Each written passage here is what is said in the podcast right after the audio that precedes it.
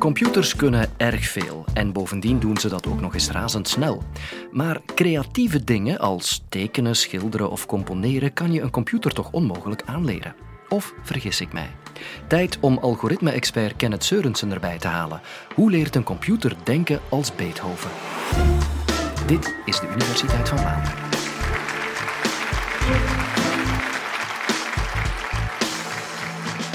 4 december 2017 en de wereld van het schaken is in shock. Want de veelvuldige wereldkampioen Stockfish wordt verslagen door een complete nieuwkomer, Alpha Zero. En Stockfish wordt niet gewoon verslagen, nee, hij wordt verpulverd en vernederd. Van de 100 matchen die die twee tegen elkaar spelen, wint Stockfisher exact nul. Stockfish, Alpha Zero, als u dat een beetje rare namen vindt, dan hebt u misschien nog niet begrepen dat ik het niet over mensen heb, maar wel over computerprogramma's. Het is al een hele tijd geleden dat de eerste wereldkampioen schaken verslagen werd door een computer. Dat was Garry Kasparov door Deep Blue in 1997. Wel, sindsdien zijn schaakcomputers alsmaar sterker en sterker geworden en momenteel verliest de beste grootmeester ter wereld van zijn eigen smartphone.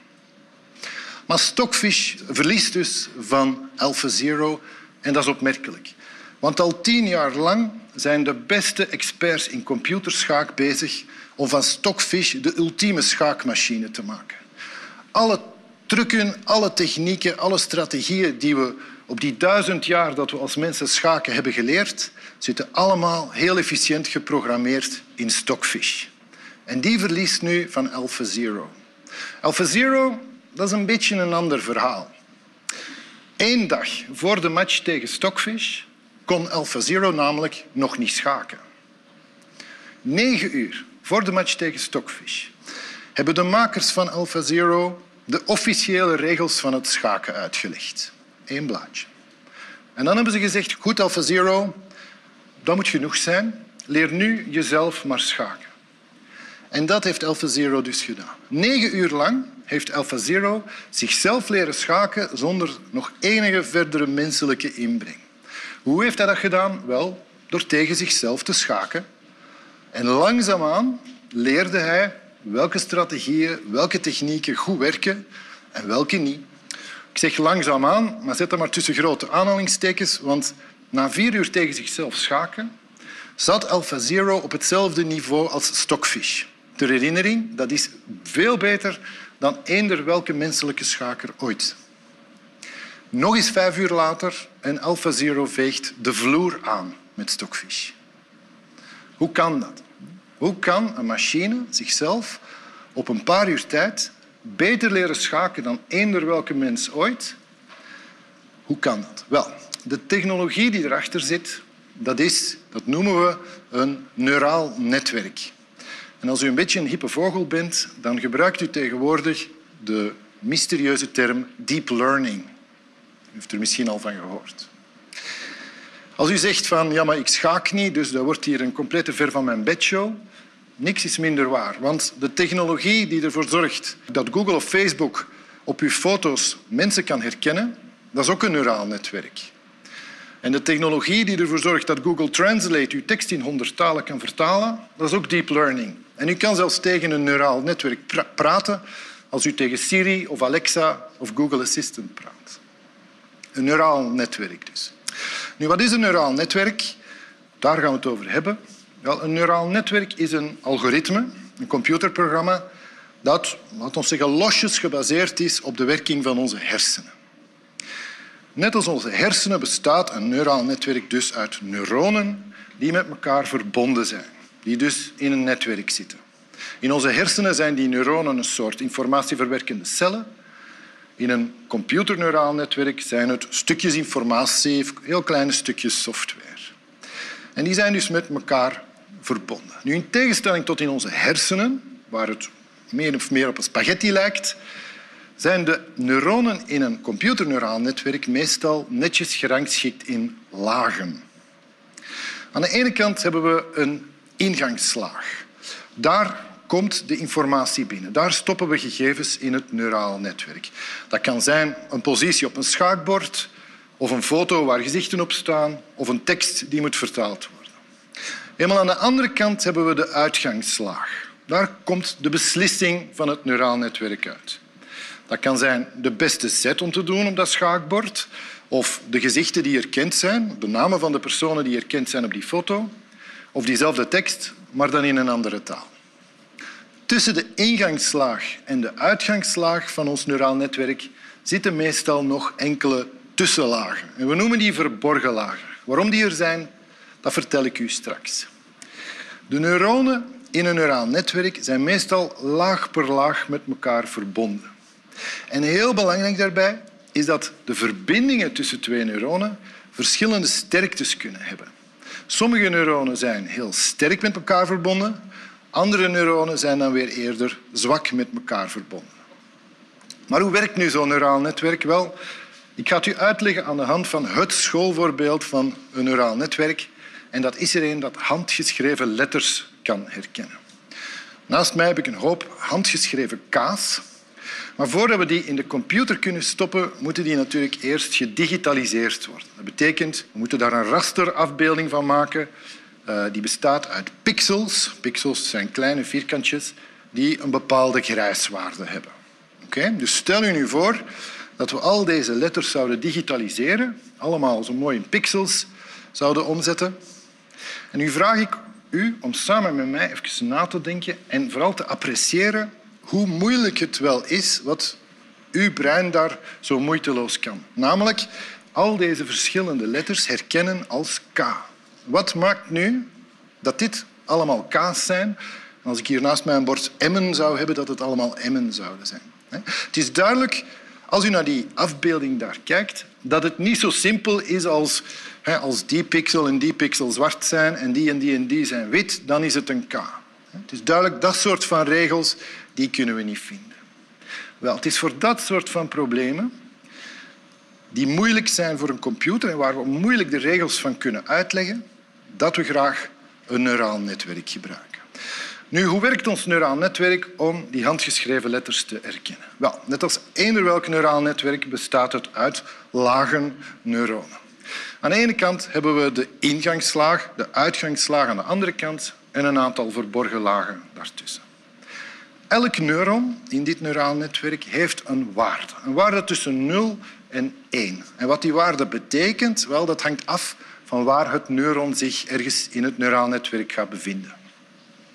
Aan de ingangslaag daar gaan we evenveel neuronen gebruiken als er pixels zijn. En de waarde tussen 0 en 1 van dat neuron, dat bij een bepaald pixel hoort, is dus gewoon de grijswaarde van dat pixel. 0 is wit, 1 is zwart en alles daartussen is een tint van grijs. Helemaal aan de andere kant, de uitgangslaag, daar hebben we 26 neuronen. U raadt het al, één per letter die we gaan moeten herkennen. Hier betekent die waarde tussen 0 en 1, dat zegt iets over de mate waarin dat het neuraal netwerk gelooft dat het die letter is. 0 betekent, denk echt niet dat het die letter is. 1 betekent, ja, ik ben er vrij zeker van dat het die letter wel is. En bijvoorbeeld 0,5 betekent zoiets als, ja, het zou kunnen, maar ik weet het eigenlijk niet.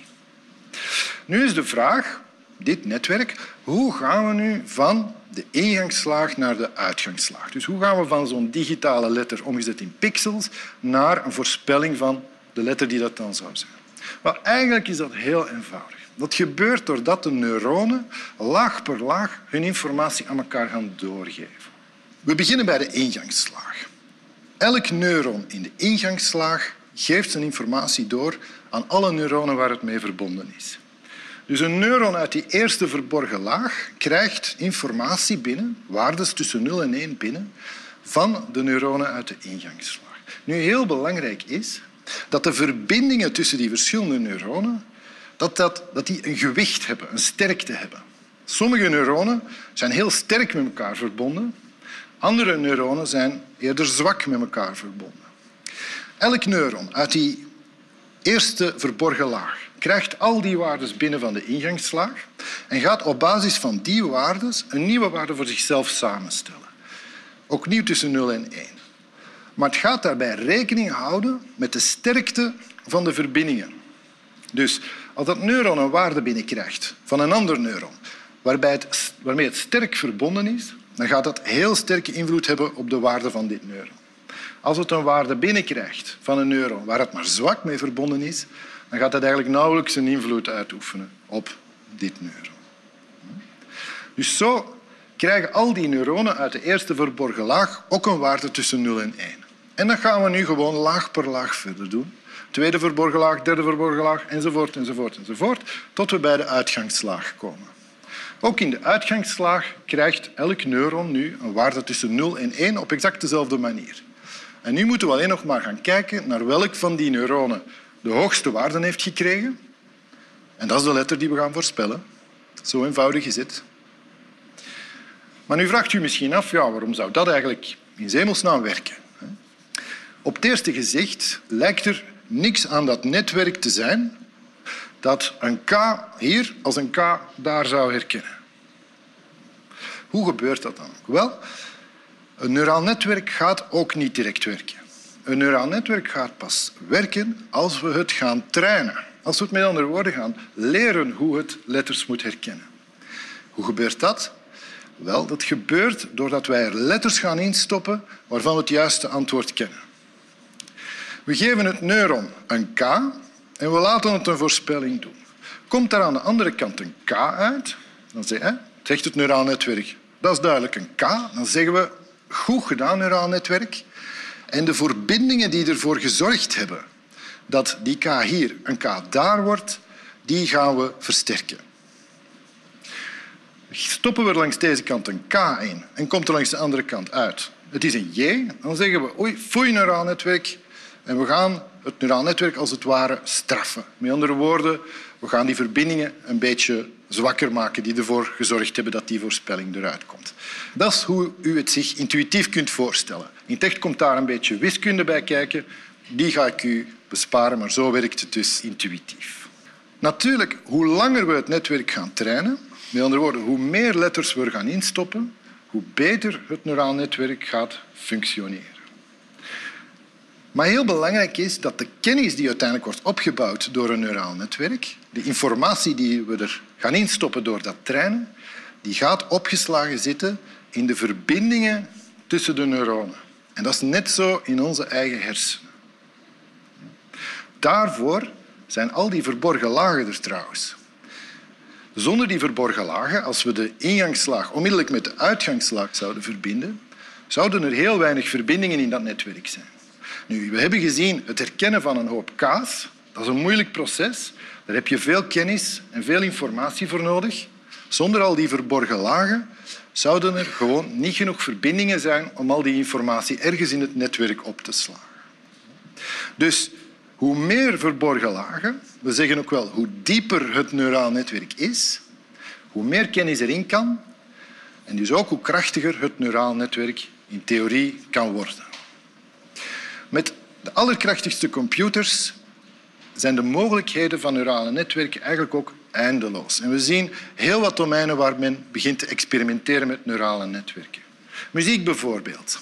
Onderzoekers houden zich nu bezig met het afwerken van de tiende symfonie van Beethoven met een neuraal netwerk. Als u nu denkt, tja, die Beethoven die had toch maar negen symfonieën geschreven, dan hebt u natuurlijk gelijk, maar klaarblijkelijk was hij aan een tiende symfonie bezig op het moment dat hij gestorven is. Van die tiende symfonie is bijna niks overgebleven. Een paar losse ideetjes, een paar kleine fragmentjes. Wel, onderzoekers zijn nu een neuraal netwerk aan het trainen. Dat wil zeggen, ze stoppen er muziek van Beethoven in. En misschien nog wat andere componisten ook. In de hoop dat het neuraal netwerk op die manier in staat zal zijn om uitsluitend op basis van die fragmentjes die tiende symfonie af te maken. Of dat ergens op gaat lijken, dat is nog zeer de vraag. Musicologen zijn heel sceptisch. We zullen moeten afwachten. Maar er zijn heel wat domeinen waarin neurale netwerken nu al hun nut bewijzen. Zelfrijdende auto's bijvoorbeeld gebruiken neurale netwerken. Jezelf leren rijden, dat is natuurlijk iets risicovoller dan jezelf leren schaken. Maar het is toch niet onmogelijk dat we binnen afzienbare tijd volledig autonome auto's op onze wegen zullen zien. Neurale netwerken zijn blijkbaar ook goed in het herkennen van tumoren op bepaalde types scans. Het zou dus kunnen dat uw specialist zich in de toekomst wel eens zou kunnen laten bijstaan door een neuraal netwerk om de juiste diagnose te kunnen stellen. En dan zijn er natuurlijk nog een hele hoop nog veel grotere vragen die we ons kunnen afvragen. Als wij computers alsmaar slimmer en slimmer en slimmer maken op deze manier, gaan ze dan misschien op een gegeven moment emoties ontwikkelen. Gaan ze zelfs bewustzijn krijgen. Zullen ze ons mensen misschien minderwaardige wezens vinden die best zo snel mogelijk van de planeet gevaagd worden? Wel, niemand die op die vraag het antwoord kent. Maar laat ons alles toch even terug in perspectief plaatsen. De details van AlphaZero die zijn niet vrijgegeven, maar we vermoeden dat het ongeveer een paar honderdduizend neuronen heeft. Laat ons dat nog afronden op een miljoen. Wel, onze eigen hersenen hebben volgens de laatste tellingen 86 miljard neuronen. Dat zijn er echt nog wel een pak meer. En terwijl het energieverbruik van AlphaZero voldoende is om een aantal of een paar honderd gezinnen van stroom te voorzien, werken uw hersenen gewoon op een paar boterhammetjes per dag. Zullen computers ooit kunnen componeren als Beethoven? Wel, we gaan zeker nog heel wat neurale netwerken tegenkomen. Ook in ons dagelijks leven. Wordt heel veel onderzoek naar gedaan en er wordt heel veel van verwacht. Maar uw brein hoeft zich voorlopig nog geen zorgen te maken. Het krachtigste, het meest veelzijdige, het efficiëntste, het mooiste neurale netwerk ter wereld, dat zijn en dat blijven voorlopig nog een hele tijd onze eigen hersenen. Misschien staan we niet vaak genoeg stil bij ons eigen wonderbaarlijke brein. Het zorgt ervoor dat we kunnen wandelen en zitten en dat ik dit zeg en jij dit hoort. En hopelijk ook dat jij doorklikt naar onze volgende podcast. Bedankt voor het luisteren.